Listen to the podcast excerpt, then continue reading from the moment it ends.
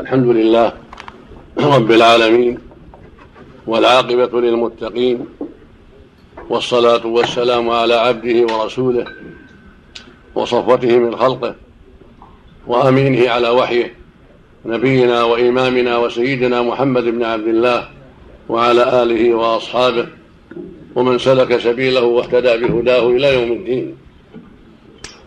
أما بعد فإني أشكر الله عز وجل على ما من به من هذا اللقاء بإخوة في الله وبأبناء أعزاء في سبيل الدعوة إلى الله والمذاكرة فيما ينفعنا جميعا والحث على ما يقرب من الله ويباعد من غضبه. فأسأله عز وجل أن يجعله لقاء مباركا وأن يصلح قلوبنا وأعمالنا وأن يعيذنا جميعا من مضلات الفتن ومن شرور النفس وسيئات العمل. أما كلمتي فعنوانها كمال الشريعة الإسلامية ومحاربتها لمبادئ الهدامة والأفكار المنحرفة. الشريعة الإسلامية التي جاء بها نبينا وإمامنا محمد بن عبد الله عليه الصلاة والسلام هي أكمل شريعة وأعظم شريعة طرقت العالم. فالله سبحانه وتعالى أرسل الرسل وأنزل الكتب وجعل لكل رسول شريعة كما قال عز وجل لكل جعلكم شريعة ومنهاجا. وجعل شريعة محمد صلى الله عليه وسلم أكمل الشرائع وأتمها وأنظمها لمصالح العباد في العاجل والآجل وجعله رسولا إلى الناس كافة عربهم وعجمهم جنهم وإنسهم ذكورهم وإناثهم أغنيائهم وفقرائهم حكامهم ومحكوميهم هو رسول الله إلى الجميع عليه الصلاة والسلام. قال عز وجل وما أرسلناك إلا كافة للناس بشيرا ونذيرا. قال عز وجل وما أرسلناك إلا رحمة للعالمين. قال عز وجل قل يا أيها الناس إني رسول الله إليكم جميعا الذي له ملك السماوات والأرض لا إله إلا هو يحيي ويميت فآمنوا بالله ورسوله النبي الأمي الذي يؤمن بالله وكلماته واتبعوه لعلكم تهتدون. فهو رسول الله إلى الناس عامة والواجب على جميع المكلفين من العرب والعجم من الجن والإنس من الذكور والإناث من جميع طبقات الناس من جميع طبقات الجن الواجب عليهم اتباعه عليه الصلاة والسلام والانقياد لشرعه وطاعة أمره ونهيه وتعظيم أمره ونهيه والوقوف عند الحدود التي حدها عليه الصلاة والسلام. لأنه مبعوث من الله ومرسل من الله لتبليغ رسالاته سبحانه وتعالى. ووجب على الأمة طاعته واتباع ما جاء به. كما قال الله جل وعلا من يطع الرسول فقد أطاع الله قال سبحانه وما آتاكم الرسول فخذوه وما نهاكم عنه فانتهوا وقال عز وجل والنجم وقال سبحانه والنجم إذا هوى ما ضل صاحبكم وما غوى وما ينطق عن الهوى. إن هو إلا وحي يوحى. وقال سبحانه قل أطيعوا الله وأطيعوا الرسول. فإن تولوا فإنما عليه ما حمل وعليكم ما حملتم. وإن تطيعوه تهتدوا وما على الرسول إلا البلاغ المبين. وقال سبحانه وتعالى تلك حدود الله. ومن يطع الله ورسوله يدخله جنات تجري من تحتها أنهار خالدين فيها وذلك الفوز العظيم. ومن يعص الله ورسوله ويتعدى حدوده يدخله نارا خالدا فيها وله عذاب مهين. قال عز وجل قل إن كنتم تحبون الله فاتبعوني يحبكم الله ويغفر لكم ذنوبكم. قال عز وجل فليحذر الذين يخالفون عن أمره يعني أمر الرسول صلى الله عليه وسلم أن تصيبهم فتنة أو يصيبهم عذاب أليم. قال الإمام أحمد رحمه الله في هذه الآية أتدري ما الفتنة؟ الفتنة الشرك. لعله إذا رد بعض قوله لقول النبي صلى الله عليه وسلم أن يقع في قلبه شيء من الزيغ فيهلك ولا حول ولا قوة إلا بالله. فهذه الآيات وما جاء في معناها كلها تدل على وجوب اتباعه والانقياد لما جاء به وطاعته فيما أمر ونهى عليه الصلاة والسلام. وأن طاعته طاعة لله. وأن معصيته معصية لله. ويقول عليه الصلاة والسلام من أطاعني فقد أطاع الله. ومن عصاني فقد عصى الله. متفق على صحته من حديث أبي هريرة رضي الله عنه. وروى البخاري في صحيحه رحمه الله. عن أبي هريرة رضي الله عنه أيضا. عن النبي صلى الله عليه وسلم قال كل أمتي يدخلون الجنة إلا من أبى. قيل يا رسول الله من أبى؟ من أبى؟ من يأبى؟ قال من أطاعني دخل الجنة ومن عصاني فقد أبى. هذا حديث عظيم. كل أمتي يدخلون الجنة إلا من أبى. قيل يا رسول الله من يأبى؟ قال من أطاعني دخل الجنة ومن عصاني فقد أبى.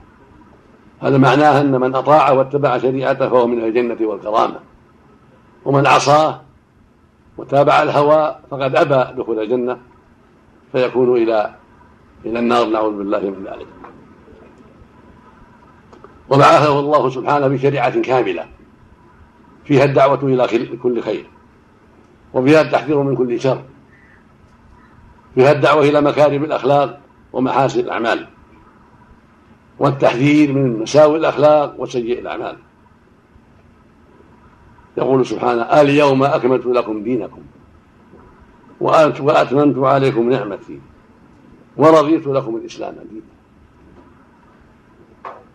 فأكمل الله لهذه الأمة دينها وأتم عليها النعمة. وهذه الآية من آخر ما نزل على النبي صلى الله عليه وسلم. نزلت يوم الجمعة في يوم عرفة في حجة الوداع. فعلم بهذا أن دين الله قد كمل على يد رسوله عليه الصلاة والسلام حين نزول هذه الآية. وعلم بذلك أنه ما ترك شيئا يحتاجه العباد في صالح أمرهم وبعاجل أمرهم وآجله إلا وقد جاءت بهذه الشريعة لأنها كاملة.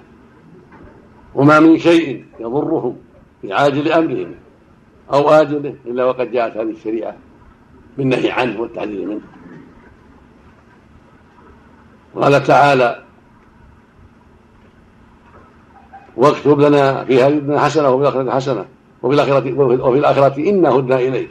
قال عذابي أصيب به من أشاء ورحمتي وسعت كل شيء. فسأكتبها.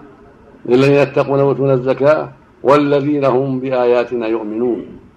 الذين يتبعون الرسول النبي الأمي الذي يجدونه مكتوبا عندهم في التوراة والإنجيل. يأمرهم بالمعروف وينهاهم عن المنكر ويحل لهم الطيبات ويحرم عليهم الخبائث ويضع عنهم إصرهم والأغلال التي كانت عليهم. فما بقي شيء يضرهم إلا وقد وضع. وما بقي وما بقي شيء ينفعهم إلا وقد جاء به وأمر به عليه الصلاة والسلام. يأمرهم بالمعروف وينهى عن المنكر. المعروف كل ما أمر به الشرع. وهو كل شيء ينفع العباد في العاجل والآجل. وتعرف الفطر السليمة والعقول الصحيحة فضله ونفعه فالشريعة جاءت بالأمر به. والمنكر كل ما نهى عنه الشر لما فيه من الشر والبلاء فهو منكر. وكل فطرة سليمة وعقل صحيح إذا تأمل عرف ذلك. ثم قال ويحل لهم الطيبات وهي المغذيات النابعات من المآكل والمشارب وهكذا يحل لهم الطيبات من الملابس المفيدة النافعة وهكذا كل ما حله الله, حله الله لهم هو من الطيبات. سواء كان مأكلا أو مشربا أو ملبسا أو غير ذلك من شؤون الناس. ويحرم عليهم الخبائث التي تضرهم سواء كانت مأكولا أو مشروبا أو ملبوسا أو غير ذلك مما ينطلق عليه اسم الخبث ولهذا حرم عليهم المسكرات وحرم عليهم الخنزير وحرم عليهم الميتة وحرم عليهم ما أهل به لغير الله وحرم عليهم كل خبيث. مأكولا أو مشروبا أو غير ذلك. ودخل في ذلك كل ما يضر العباد أو ضرره أغلب وأكثر فهو من قسم الخبيث كالمسكرات كما تقدم والميتات وهكذا. أنواع المخدرات من الدخان وهكذا كل ما يلحق بذلك من كل ما يضر العباد فإنه خبيث سواء كان خبثه محضا أو كان يغلب عليه ذلك. فإن الله جل وعلا بعث نبيه بتحريمه والتحذير منه.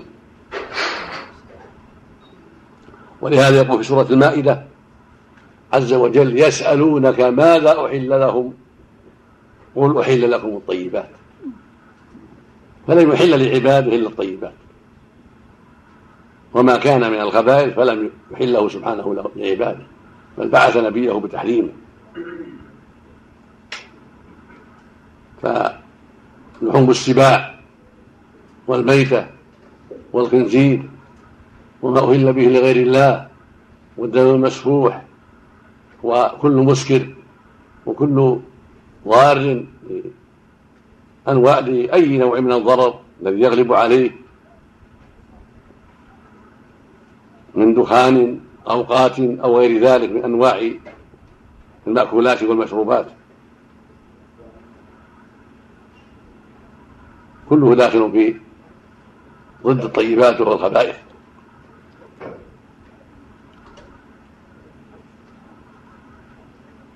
ثم قال ويضع عنه إصرهم.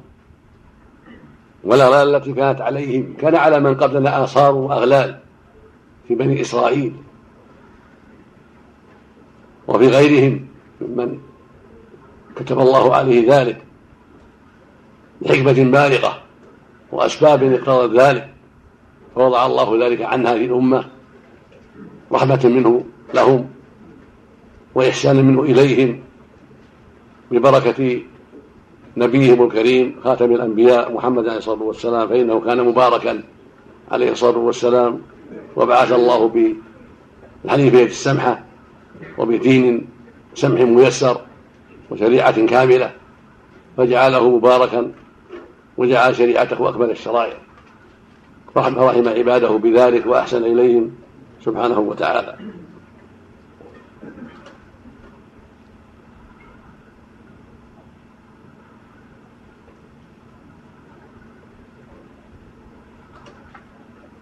ومن ذلك أنه سبحانه وتعالى جعل للمؤمن قصر الصلاة في السفر والجمع في السفر والمرض وهذا من التيسير وأباح له التيمم وكان من قبلنا لا تيمم عنده بل هذا من خصائص هذه الأمة. عند عدم الماء أو العجز عن استعماله يتيمم ولا يؤخر الصلوات.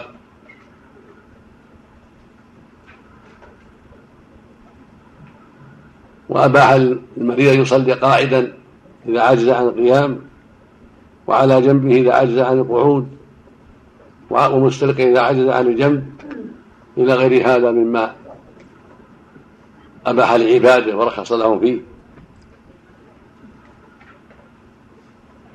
وقال سبحانه في كتابه العظيم إن هذا القرآن يهدي للتي هي أقوم. فجعل كتابه هاديا لخير السبل وأقومها وأصحها وأسلمها. هذا من شريعته سبحانه التي جاء بها كتابه العظيم. جعله هاديا لما هو أقوم وأصح وأسلم للعباد في دينهم ودنياهم. وقال سبحانه قل هو للذين آمنوا هدى وشفاء. قال عز وجل يا أيها الناس قد جاءتكم قد جاءكم موعظة من ربكم وشفاء لما في الصدور وهدى ورحمة للمؤمنين.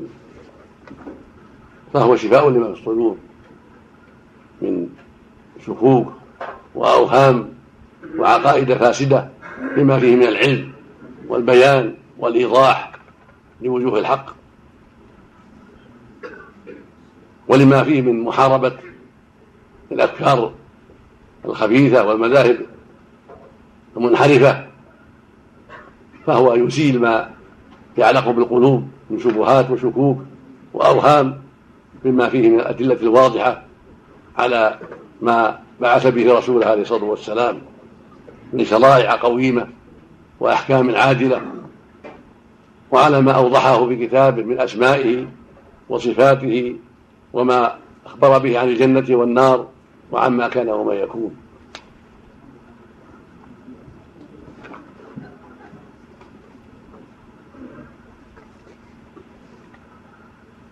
وقال عز وجل كتاب أنزلناه إليك مبارك ليدبروا آياته وليتذكر أولو الألباب. قال سبحانه ونزلنا عليك الكتاب تبيانا لكل شيء وهدى ورحمة وبشرى للمسلمين. فجعل كتابه تبيانا لكل شيء. يعني مما يحتاجه العباد في المعاش والمعاد. وإنما يؤتى الإنسان من تقصيره وجهله فإذا أقبل على الله وبذل وسعه في طلب العلم وأخلص لله في ذلك وبذل الوسع فإن الله يعينه ويوفقه. ويهديه سبيله القويم سبحانه وتعالى.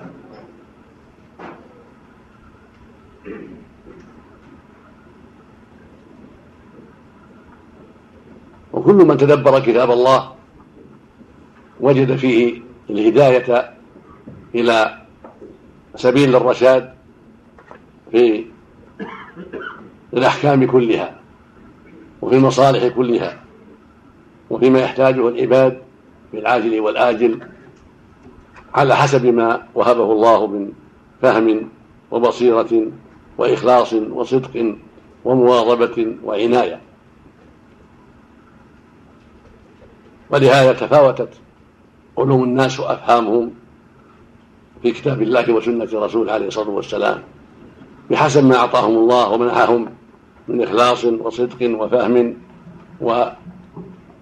ومواظبة ومثابرة وعناية بلقاء العلماء والسؤال عما أشكل والضراعة إلى الله في طلب التوفيق والهداية.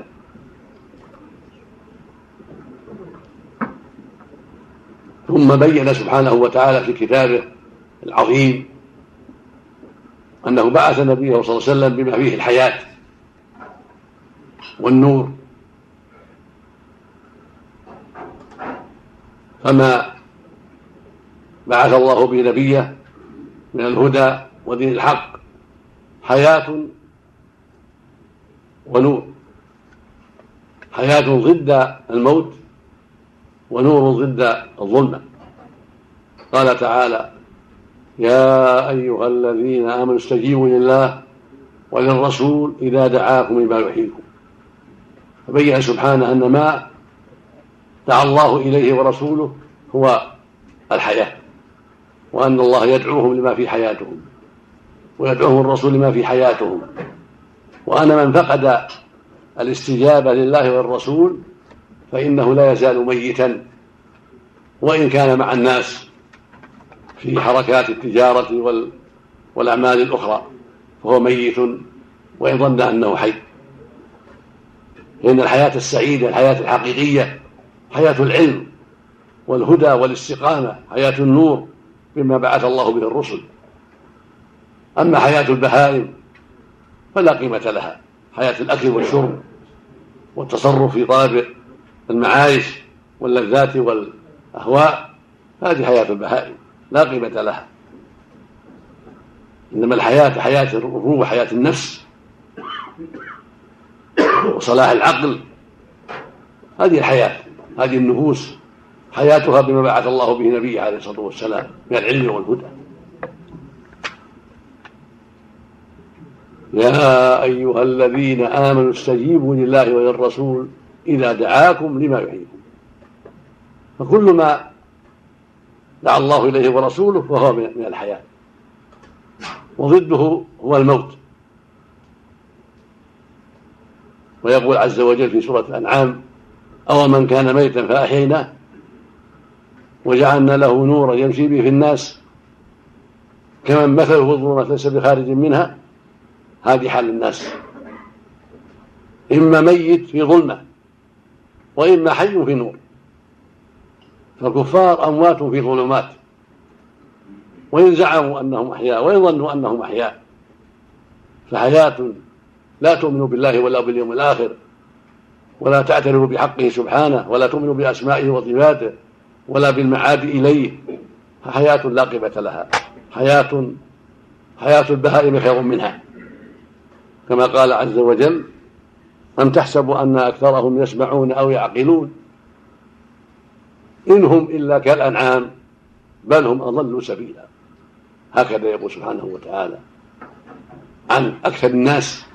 أكثر الناس هكذا. لا يسمعون ولا يعقلون.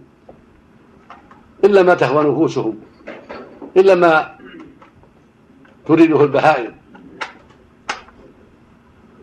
أم تحسب أن أكثرهم يسمعون أو يعقلون؟ وإن غاصوا في البحار وإن طاروا في الفضاء وإن ركبوا السفن الفضائية وإن لمسوا السماء كالجن وشياطينهم لا قيمة لهذا. كله مصير إلى الزوال والذهاب والمحنان والعذاب. أو من كان ميتا فأحييناه. بماذا؟ بالعلم والدين الذي بعث الله به نبيه عليه الصلاة والسلام. ولهذا قال وجعلنا له نورا يمشي به الناس. فأحياه الله بالإسلام والإيمان بالله واليوم الآخر وأعطاه العلم الشرعي الذي بعث الله به نبيه فصار يمشي به في الناس.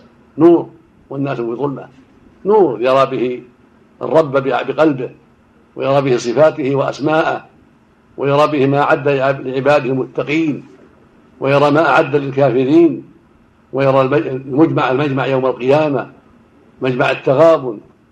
يوم يجمعه يوم الجنة ذلك يوم التغابن. يراه بقلبه كأنه شاهده. يرى أهل الجنة في زياراتهم ونعيمهم ويرى أهل النار في عذابهم وأغلالهم وسعيرهم. يرى ما يكون في آخر الزمان كأنه شاهده. يرى ما مضى من أمر الرسل وأممهم وأمر آدم وما جرى عليه وأمر الشيطان وما جرى عليه يرى كل شيء بهذا القلب بهذا القلب العظيم المملوء من النور والحكمة. أو من كان ميتا فأحييناه وجعلنا له نورا يمشي به في الناس كمن مثله بالظلمات ليس بخارج منها. لا يستويان. لا يستويان. ويقول سبحانه ولقد ذرأنا لجهنم كثيرا من الجن والإنس. لهم قلوب لا يفقهون بها ولهم أعين لا يبصرون بها ولهم آذان لا يسمعون بها. أولئك كالأنعام أولئك كالأنعام بل هم أضل سبيلا. فهذه الآية مثل آيات الأنفال. هذه آية آية الأعراض ذكر فيهم أنهم أنها لا أنهم لا يفقهون ولا يسمعون ولا يبصرون. لهم آذان ولهم أعين ولهم أفئدة لكن لا لم ينتفعوا بها نعوذ بالله من ذلك. ما استفادوا منها. بل هم غافلون عما أريد بهم وعما خلقوا له وما خلقت الجن والإنس إلا ليعبدون. غافلون عن هذا الأمر. هم أضلوا من الأنعام لهم قلوب لا يفقهون بها. أعين لا يبصرون بها ولهم آلام لا يسمعون بها. هم يسمعون ويبصرون ويفقهون أهواءهم ومراداتهم لكن لا يفقهون مراد الله ولا يسمعون سمع قبول لما أمر الله ولا يبصرون الحقيقة التي أرادها الله بل هم في عمى بسبب إعراضهم وغفلتهم.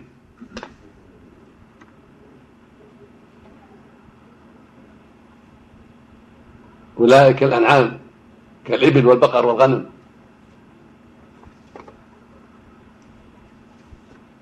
هذه حالهم ثم لم يرضى بهذا سبحانه فقال بل هم أضل. إن أسوأ حالا من الأنعام. الأنعام نهايتها الموت. تبعث يوم القيامة ثم تموت. تذهب ولا عذاب عليها. لكن هؤلاء أضلوا منهم. يعطوا عقولا ولهم مصير ولهم عاقبة. وهم لم يستفيدوا من هذه العقول. وهذه العقول لم تعطها البهائم. هم أضل من البهائم. يعطوا شيئا عظيما ضيعوه.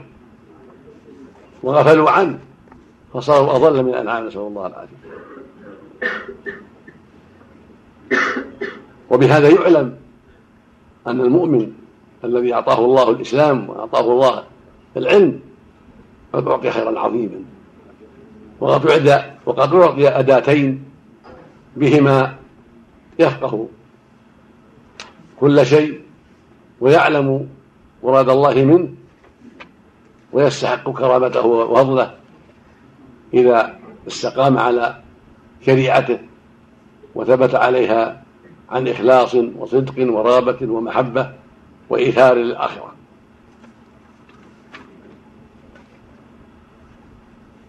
وبذلك يكون في غاية من الطمأنينة وفي غاية من السعادة في هذه الدار قبل الآخرة.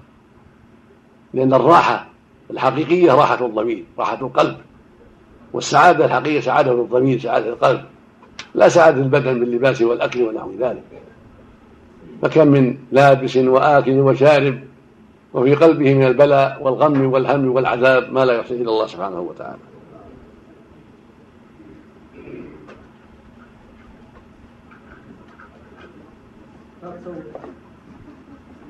ويقول عز وجل وكذلك أوحينا إليك روحا من أمرنا.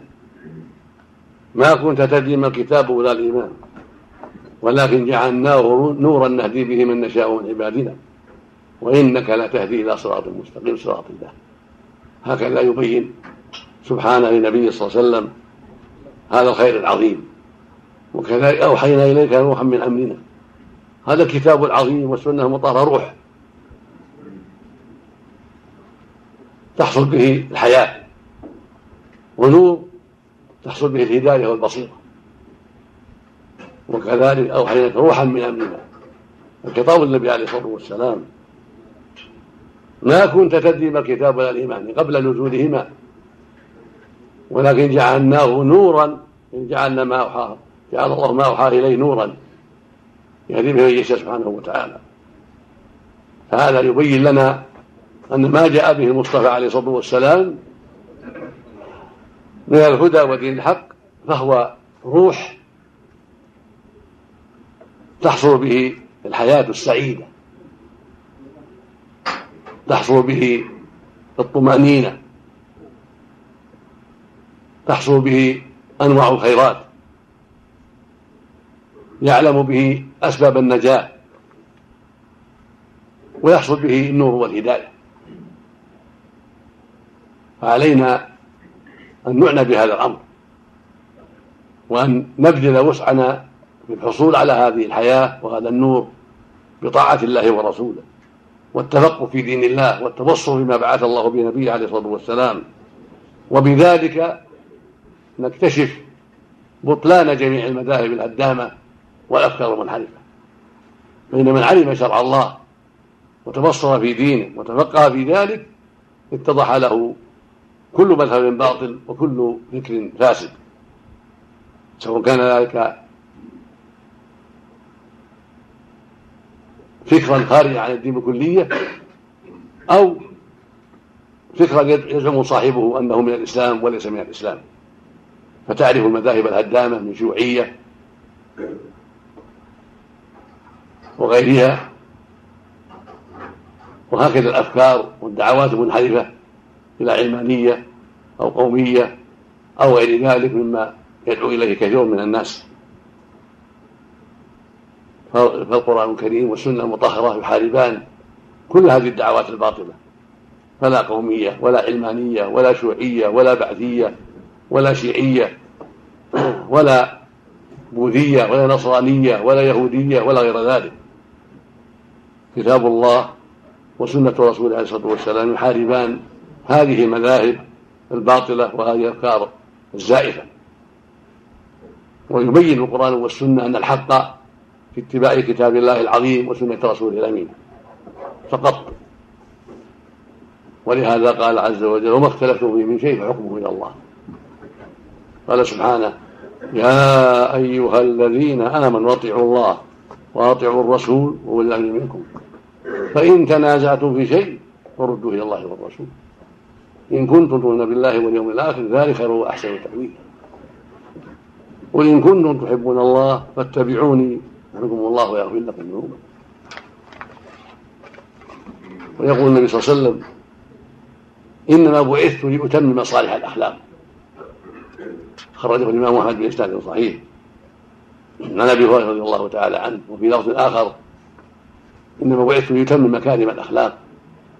فالمقصود أن الله بعثه بمكارم الأخلاق ومحاسن الأعمال ومحاربة سيء الأخلاق وسيء الأعمال. فعلى أهل العلم وعلى طلاب العلم وعلى جميع المسلمين من ذكور وإناث ومن حكام ومحكومين ومن عرب وعجم على الجميع أن يتفقهوا في دين الله وأن يتبصروا فيما جاء به نبيه عليه الصلاة والسلام وأن يلتزموا بشريعته وأن لا يحيدوا عنها لأن الله أكرمهم بها وجعلها سفينة نوح جعلها مثل سفينة نوح. من استقام عليها فاز بالسعادة. وانتهى إلى شاطئ السلامة والنجاة. ومن تخلف عنها صار إلى الهلاك وإلى سوء المصير نعوذ بالله من ذلك. هذا وأسأل الله عز وجل بأسمائه الحسنى وصفاته العلى أن يوفقنا وإياكم لما يرضيه وأن يعيدنا من شرور أنفسنا ومن سيئات أعمالنا وأن يمنحنا جميعا الفقه في دينه. والبصيرة بحقه والحذر من أسباب غضبه وأن ينصر دينه ويعلي كلمته وأن يوفق ولاة أمرنا لكل ما فيه صلاح العباد والبلاد وأن يصلح لهم البطانة ويعينهم على على الخير. كما أسأله سبحانه أن يوفق جميع المسلمين للفقه في الدين والاستقامة عليه وأن يصلح أحوالهم وأن يولي عليهم خيارهم ويصلح قادتهم وأن يمن على الجميع بتحكيم الشريعة والتحاكم إليها والثبات عليها ومحاربة كل ما يخالفها إنه سبحانه ولي ذلك والقادر عليه وصلى الله وسلم وبارك على عبده ورسوله نبينا محمد وعلى آله وأصحابه وأتباعه بإحسان.